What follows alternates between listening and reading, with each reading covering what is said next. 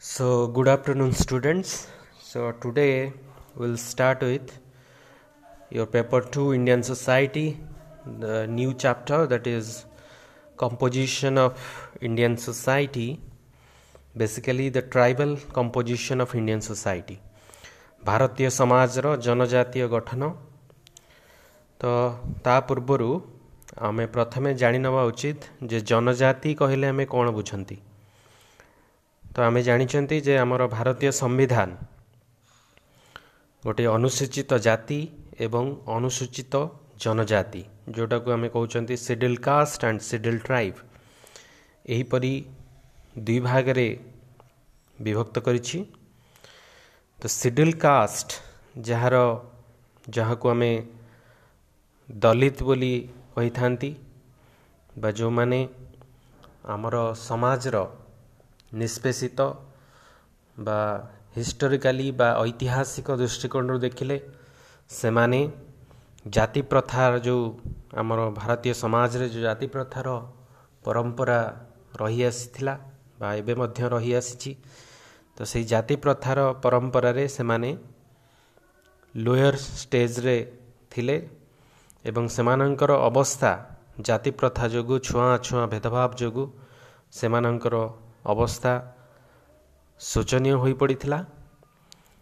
ତାପରେ ଗଭର୍ଣ୍ଣମେଣ୍ଟ ବା ସରକାର ବିଭିନ୍ନ ସମୟରେ ତାଙ୍କମାନଙ୍କ ପାଇଁ ସଂରକ୍ଷଣର ବ୍ୟବସ୍ଥା ମାଧ୍ୟମରେ ସେମାନଙ୍କୁ ପୁଣି ମୁଖ୍ୟ ସ୍ରୋତକୁ ଆଣିବା ପାଇଁ ପ୍ରଚେଷ୍ଟା ଜାରି ରଖିଛନ୍ତି। ତ ସେହିପରି ଅନ୍ୟ ଏକ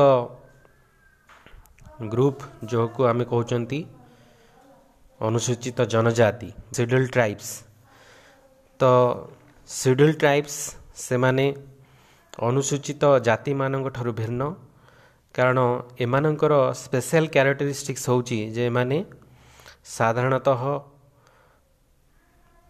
ଜିଓଗ୍ରାଫିକାଲି ବା ଯଦି ଆମେ ଯଦି ଆମେ ଦେଖିବା ଭୌଗୋଳିକ ଭିତ୍ତିରେ ସେମାନେ ସାଧାରଣତଃ ଆମର ମୁଖ୍ୟ ସ୍ରୋତ ଠାରୁ ଦୂରରେ ରହିଥାନ୍ତି। ସେମାନେ ସାଧାରଣତଃ ବନ ଜଙ୍ଗଲ ପାହାଡ଼ ପର୍ବତ ଭିତରେ ରହିଥାନ୍ତି। ସେମାନଙ୍କର କଲଚର ବା ସଂସ୍କୃତି ସାଧାରଣତଃ ଭିନ୍ନ। ଆମର ମେନ୍ ଷ୍ଟ୍ରିମ୍ କଲଚର ଠାରୁ ସେମାନଙ୍କର କଲଚର କମ୍ପ୍ଲିଟଲି ଡିଫରେଣ୍ଟ ସେମାନଙ୍କର ଭାଷା ମଧ୍ୟ ଅଲଗା। ସେମାନଙ୍କର ଯଦି ଆମେ ଓରିଜିନ୍ ଦେଖିବା ସେମାନଙ୍କର ଓରିଜିନ୍ ମଧ୍ୟ କମ୍ପ୍ଲିଟଲି ଡିଫରେଣ୍ଟ ସେମାନଙ୍କର ଇକୋନୋମିକ୍ କଣ୍ଡିସନ୍ ଅର୍ଥନୈତିକ ଅବସ୍ଥା ମଧ୍ୟ ଭଲ ନୁହେଁ। ତ ଏଇଗୁଡ଼ିକ କ୍ୟାରେକ୍ଟରିଷ୍ଟିକ୍ସ ଆମେ ଦେଖିଲେ ସେମାନଙ୍କୁ ଆମେ ସାଧାରଣତଃ ଅନୁସୂଚିତ ଜନଜାତି ବୋଲି କହିଥାନ୍ତି। ତ ଏଇ ଯେଉଁ ଅନୁସୂଚିତ ଜନଜାତି ଏମାନଙ୍କୁ କିପରି ମୁଖ୍ୟ ସ୍ରୋତରେ ପୁଣି ସାମିଲ କରାଯାଇପାରିବ? ତ ସେଥିପାଇଁ ଭାରତ ସରକାର ମଧ୍ୟ ବହୁତ ଗୁଡ଼ିଏ ପ୍ରୋଭିଜନ୍ ରଖିଛନ୍ତି। ସେମାନଙ୍କୁ ମଧ୍ୟ ସବୁ କ୍ଷେତ୍ରରେ ସଂରକ୍ଷଣ ଦିଆଯାଉଛି। ଯେପରିକି ଏଜୁକେସନ୍ କ୍ଷେତ୍ରରେ ଶିକ୍ଷା କ୍ଷେତ୍ରରେ ଚାକିରି କ୍ଷେତ୍ରରେ ସେମାନେ ଯେପରି ପୁଣି ମେନ୍ ଷ୍ଟ୍ରିମ୍ ସୋସାଇଟି ସହିତ ମିଶିପାରିବେ ବା ଆମର ବିକାଶରେ ସେମାନେ ମଧ୍ୟ ଭାଗିଦାର ହୋଇପାରିବେ। ତ ସେମାନଙ୍କର ଯଦି ଆମେ ଦେଖିବା ପପୁଲେସନ୍ ବା ଜନସଂଖ୍ୟା ଦୁଇ ହଜାର ଏଗାର ଜନଗଣନା ଅନୁସାରେ ଭାରତରେ ବର୍ତ୍ତମାନ ସେମାନଙ୍କର ପପୁଲେସନ୍ ପାଖାପାଖି ଦଶ କୋଟିରୁ ଉର୍ଦ୍ଧ୍ୱ ବା ପରସେଣ୍ଟେଜ ଅନୁସାରେ ଦେଖିଲେ ଏଇଟ୍ ପଏଣ୍ଟ ସିକ୍ସ ପରସେଣ୍ଟ ତ ସେମାନଙ୍କର ପପୁଲେସନ୍ ଆଧାରରେ ସେମାନେ ମଧ୍ୟ ଭାରତର ସବୁ କ୍ଷେତ୍ରରେ ବା ଭାରତର ସବୁ ରାଜ୍ୟ ଏବଂ ୟୁନିୟନ୍ ଟେରିଟୋରିଜ୍ କେନ୍ଦ୍ରଶାସିତ ଅଞ୍ଚଳମାନଙ୍କରେ ଆମେ ଦେଖିବାକୁ ପାଇଥାନ୍ତି। ଯେପରିକି ଆମେ ଯଦି କହିବା ଆମର central India basically Madhya Pradesh Chhattisgarh Jharkhand Andhra Pradesh Maharashtra Odisha Gujarat Rajasthan ଏସବୁ ରାଜ୍ୟମାନଙ୍କରେ ସେମାନଙ୍କର ପରସେଣ୍ଟେଜ ଅଧିକ। ତାପରେ ସେମାନେ ନର୍ଥ ଇଷ୍ଟ ଆମର ଯେଉଁ ଉତ୍ତର ପୂର୍ବ ଅଞ୍ଚଳ ଆସାମ ନାଗାଲ୍ୟାଣ୍ଡ ମିଜୋରାମ ମଣିପୁର ମେଘାଳୟ ତ୍ରିପୁରା ସିକିମ ଅରୁଣାଚଳ ପ୍ରଦେଶ ଏହିସବୁ ଅଞ୍ଚଳରେ ଏମାନଙ୍କର ପରସେଣ୍ଟେଜ ଅଧିକ। ଯଦି ଆମେ ଦେଖିବା ଦିଲ୍ଲୀ ପଞ୍ଜାବ ହରିୟାଣା ଏହିସବୁ ରାଜ୍ୟମାନଙ୍କରେ ଏମାନଙ୍କର ଉପସ୍ଥିତି ଆମେ ଦେଖନ୍ତି ନାହିଁ। ସେହିପରି ପୁଡୁଚେରୀ ଚଣ୍ଡିଗଡ଼ ଏସବୁ କେନ୍ଦ୍ରଶାସିତ ଅଞ୍ଚଳରେ ଏମାନଙ୍କର ସଂଖ୍ୟା ନ୍ୟୁନ ବା ଏମାନଙ୍କୁ ଆମେ ଦେଖିବାକୁ ପାଆନ୍ତି ନାହିଁ। ତ ଏହିପରି ଭାବରେ ଜନଜାତି ମାନଙ୍କ ମଧ୍ୟରେ ମଧ୍ୟ ଅନେକ ଗୁଡ଼ିଏ କ୍ୟାଟାଗୋରୀ ରହିଛି। ତାଙ୍କ ମଧ୍ୟରେ ମଧ୍ୟ ବହୁତ ଗୁଡ଼ିଏ କ୍ୟାଟାଗୋରୀ ରହିଛି କାରଣ ଆମେ ଦେଖୁଛନ୍ତି ବହୁତ ଗୁଡ଼ିଏ ଜନଜାତି ଧୀରେ ଧୀରେ ବିଲୁପ୍ତ ହେବାକୁ ବସିଲେଣି। ତ ସେମାନଙ୍କୁ ଭାରତ ସରକାର ପର୍ଟିକୁଲାରଲି ଭଲନେବୁଲ ଟ୍ରାଇବାଲ ଗ୍ରୁପ୍ସ ବା ପି ଭି ଟି ଜି ଭାବରେ ନାମକରଣ କରିଛନ୍ତି। ତ ତାକୁ ନାମକରଣ କରିବାରେ ସରକାରଙ୍କର ବହୁତ ଗୁଡ଼ିଏ କ୍ୟାରେକ୍ଟରିଷ୍ଟିକ୍ସ ସେ ରଖିଛନ୍ତି ଯେପରିକି ସେମାନଙ୍କର ସଂଖ୍ୟା ଧୀରେ ଧୀରେ କମିଯାଉଛି ସେମାନେ ମୁଖ୍ୟ ସ୍ରୋତ ଠାରୁ ଦୂରେଇ ଯାଉଛନ୍ତି ସେମାନଙ୍କର ଶିକ୍ଷା ବ୍ୟବସ୍ଥା ମଧ୍ୟ ନିମ୍ନ ଧରଣର ସେମାନଙ୍କର ଅର୍ଥନୈତିକ ଅବସ୍ଥା ଶୋଚନୀୟ। ତ ଏହିସବୁ ଗୁଣ ଗୁଡ଼ିକ ଯେଉଁ ଜନଜାତିମାନଙ୍କ ପାଖରେ ଆମେ ଦେଖୁଛନ୍ତି ତ ସେମାନଙ୍କୁ ପର୍ଟିକୁଲାରଲି ଭଲନେବୁଲ ଟ୍ରାଇବାଲ ଗ୍ରୁପ ବା ପି ଭି ଟି ଜି ଆଖ୍ୟା ଦିଆଯାଇଛି। ତ ବେସିକାଲି ଓଡ଼ିଶାରେ ମଧ୍ୟ ଏହିସବୁ ଜନଜାତିଙ୍କୁ ଆମେ ଦେଖିବାକୁ ପାଆନ୍ତି ଯେପରିକି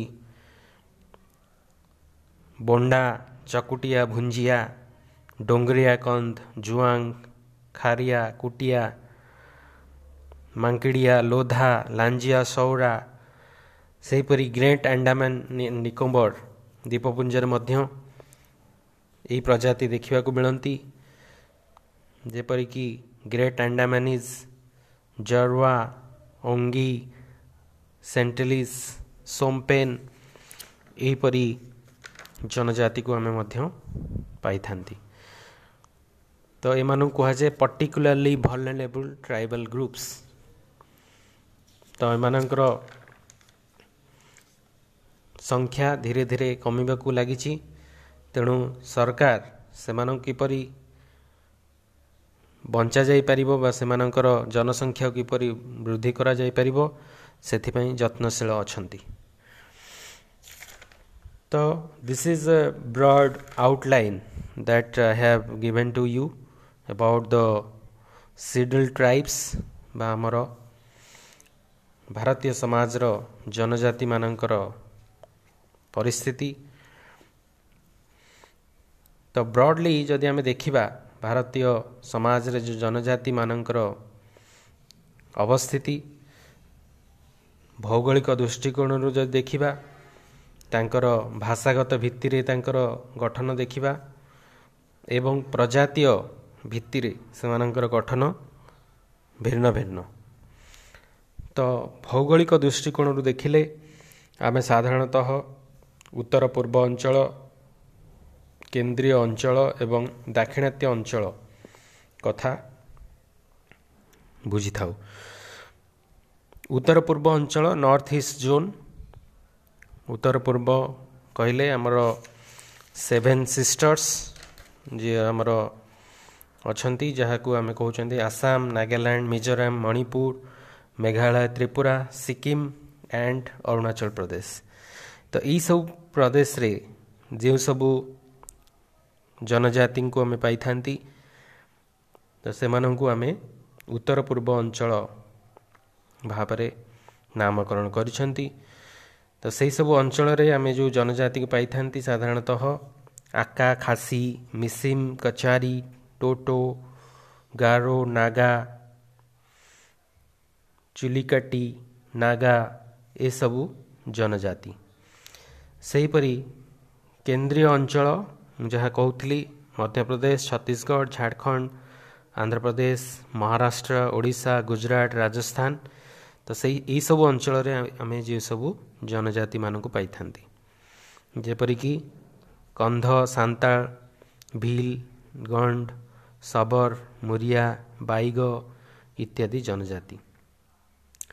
ସେହିପରି ଯଦି ଦାକ୍ଷିଣାତ୍ୟ ଅଞ୍ଚଳକୁ ଯିବା ସାଉଥ୍ ଜୋନ୍କୁ ଯିବା ତାହେଲେ ସେପଟେ ଆମର ଆନ୍ଧ୍ରପ୍ରଦେଶ ତାମିଲନାଡ଼ୁ କେରଳ କର୍ଣ୍ଣାଟକ ତ ଏହି ଅଞ୍ଚଳରେ ମଧ୍ୟ ଆମେ ବହୁତ ଗୁଡ଼ିଏ ଜନଜାତିଙ୍କୁ ପାଇଥାନ୍ତି ଯେପରିକି ଟୋଡ଼ା ଚେଞ୍ଚୁ କାଦାର କୋରାଗ ଇତ୍ୟାଦି ଜନଜାତି। ତ ଏଗୁଡ଼ିକ ଭୌଗୋଳିକ ଦୃଷ୍ଟିକୋଣରେ ଆମେ ଦେଖିଲେ ଏସବୁ ଜନଜାତିକୁ ଆମେ ପାଇବା।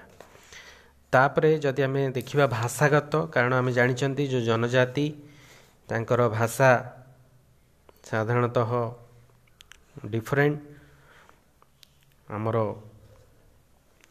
ମୁଖ୍ୟ ସ୍ରୋତର ଭାଷା ଠାରୁ ସେମାନଙ୍କ ଭାଷା କମ୍ପ୍ଲିଟଲି ଡିଫରେଣ୍ଟ ତ ଭାଷାଗତ ଭିତ୍ତିରେ ସେମାନଙ୍କୁ ଦ୍ରାବିଡ଼ୀୟ ଅଷ୍ଟ୍ରିକ୍ ସିନୋ ତିବ୍ବତୀୟାନ୍ ଏପରି ତିନି ଗୋଟି ଭାଗରେ ବିଭକ୍ତ କରାଯାଇଛି। ଦ୍ରାବିଡ଼ୀୟ ଭାଷା ସାଧାରଣତଃ ଆମେ ଜାଣିଛନ୍ତି ଯେ ଦକ୍ଷିଣାତ୍ୟ ଅଞ୍ଚଳରେ ଭାରତର ଦକ୍ଷିଣାତ୍ୟ ଅଞ୍ଚଳରେ ଦେଖାଯାଉଥିବା ଭାଷାକୁ ଆମେ ଦ୍ରାବିଡ଼ୀୟ ଭାଷା ଭାବରେ ଗ୍ରହଣ କରିଛନ୍ତି ଯେପରି ତାମିଲ ତେଲୁଗୁ କନ୍ନଡ଼ ମାଲାୟାଲମ ଇତ୍ୟାଦି। ତ ଏହି ଯେଉଁ ଦ୍ରାବିଡ଼ୀୟ ଭାଷାର ହେଉଥିବା ଏଇ ଯେଉଁ ଦ୍ରାବିଡ଼ୀୟ ଭାଷା ଦେଖାଯାଉଥିବା ଜନଜାତି ହେଉଛନ୍ତି ସାଧାରଣତଃ ଟୋଡ଼ା କୋଟା ଚେଞ୍ଚୁ କାଦାର ମାଲେଟୋ ବୌଗା ଭ୍ରାତ୍ର ଭାତ୍ରା ଧୁରୁ ଡୋଡଲା ଇତ୍ୟାଦି ସେହିପରି ଅଷ୍ଟ୍ରିକ୍ ଲାଙ୍ଗୁଏଜ୍ ବା ଅଷ୍ଟ୍ରିକ୍ ଭାଷା ଆମେ ଜାଣିଛନ୍ତି ସାଧାରଣତଃ ନର୍ଥ ଇଷ୍ଟର୍ଣ୍ଣ ରିଜିଅନ୍ରେ ଯେଉଁ ଭାଷା ଆମେ କହିଥାନ୍ତି ତାଙ୍କୁ ଅଷ୍ଟ୍ରିକ୍ ଭାଷା ଭାବରେ ଆମେ ପରିଗଣିତ କରିଛନ୍ତି।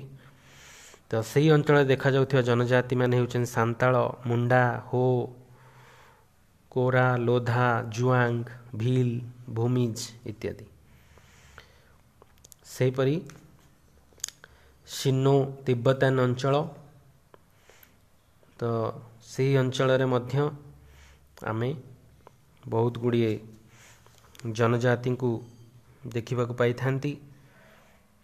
ସାଧାରଣତଃ ନାଗା ମିସିପି ମିସିମ୍ ଟୋଟୋ ରିଆଙ୍ଗ ଇତ୍ୟାଦି ଜନଜାତି ତ ଇଏ ଗଲା ତୁମର ଭାଷାଗତ ଭିତ୍ତିରେ ଜନଜାତିର ଗଠନ ତାପରେ ଦେଖିବା ପ୍ରଜାତି ଭିତ୍ତିରେ ଜନଜାତୀୟ ଗଠନ ବା ଆମର ଯେଉଁ ରେସ୍ ଆଧାରରେ ପ୍ରଜାତି ଆଧାରରେ ଜନଜାତୀୟ ଗଠନ ସାଧାରଣତଃ ଚାରି ଭାଗରେ ବିଭକ୍ତ କରାଯାଇଛି।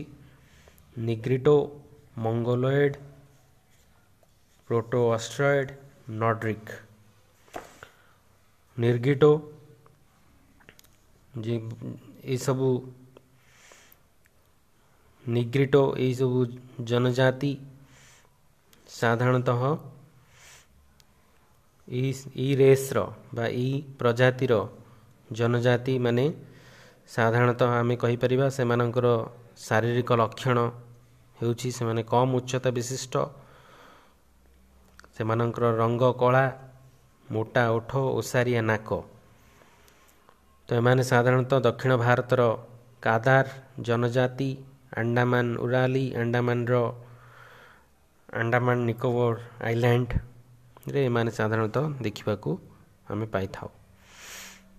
ମଙ୍ଗୋଲଏଡ଼ ପ୍ରଜାତି ଯେ ଦେଖିବା ମଙ୍ଗୋଲଏଡ଼ ମାନେ ସାଧାରଣତଃ ଭାରତର ଉତ୍ତର ପୂର୍ବ ହିମାଳୟ ଅଞ୍ଚଳରେ ବସବାସ କରିଥାନ୍ତି। ଏମାନଙ୍କର ଉଚ୍ଚତା ମଧ୍ୟମ ଆକାରର ରଙ୍ଗ ହଳଦିଆ ବାଦାମୀ ମୋଟା ମୁହଁ ସିଧା ଚୁଟି ସ୍ୱଳ୍ପ ଦାଢ଼ି ଓ ନିଶ ଥାଏ। ସେହିପରି ପ୍ରୋଟୋ ଅଷ୍ଟ୍ରେଲିୟଡ଼ ଏମାନେ ସାଧାରଣତଃ ଯଦି ଏମାନଙ୍କର ଶାରୀରିକ ଗଠନ ଦେଖିବା ଶାରୀରିକ ଗଠନ ସେମାନେ ସାଧାରଣତଃ ବାଦାମୀ ରଙ୍ଗ ମୋଟା ଓଠ କୁଞ୍ଚୁ କୁଞ୍ଚିଆ ଚୁଟି ଓସାରିଆ ନାକ ଇତ୍ୟାଦି।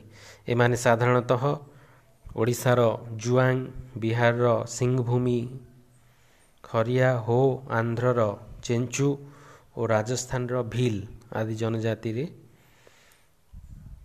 ଜନଜାତିମାନଙ୍କରେ ଏହି ପ୍ରଜାତିମାନଙ୍କୁ ଆମେ ଦେଖିବାକୁ ପାଇବା।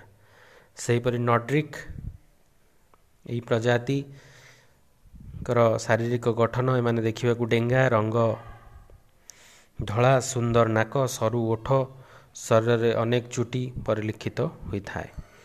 ଏମାନେ ସାଧାରଣତଃ ଭାରତର ଦକ୍ଷିଣରେ ଥିବା ନୀଳଗିରି ପାର୍ବତୀ ଅଞ୍ଚଳରେ ଦେଖାଯାଉଥିବା ଜନଜାତି ମାନେ ତ ଏହିପରି ଭାବରେ ଯଦି ଆମେ ଦେଖିବା ଭାରତର ପ୍ରଜାତୀୟ ଭାରତର ଏଇ ଯେଉଁ ଜନଜାତିମାନଙ୍କର ଆମେ ତାଙ୍କର ସବିଶେଷ ଅବସ୍ଥିତି ଆମେ ଭୌଗୋଳିକ ଦୃଷ୍ଟିକୋଣରୁ ଭାଷାଗତ ଭିତ୍ତିରେ ଏବଂ ପ୍ରଜାତିଗତ ଭିତ୍ତିରେ ଏମାନଙ୍କୁ ଆମେ ପାଇପାରୁଛନ୍ତି ଏବଂ ଏମାନଙ୍କର ବିଷୟରେ ସବିଶେଷ ଧାରଣା ଆମେ ଗ୍ରହଣ କରିପାରିବା। So this is all about your tribal composition of indian society. Thank you.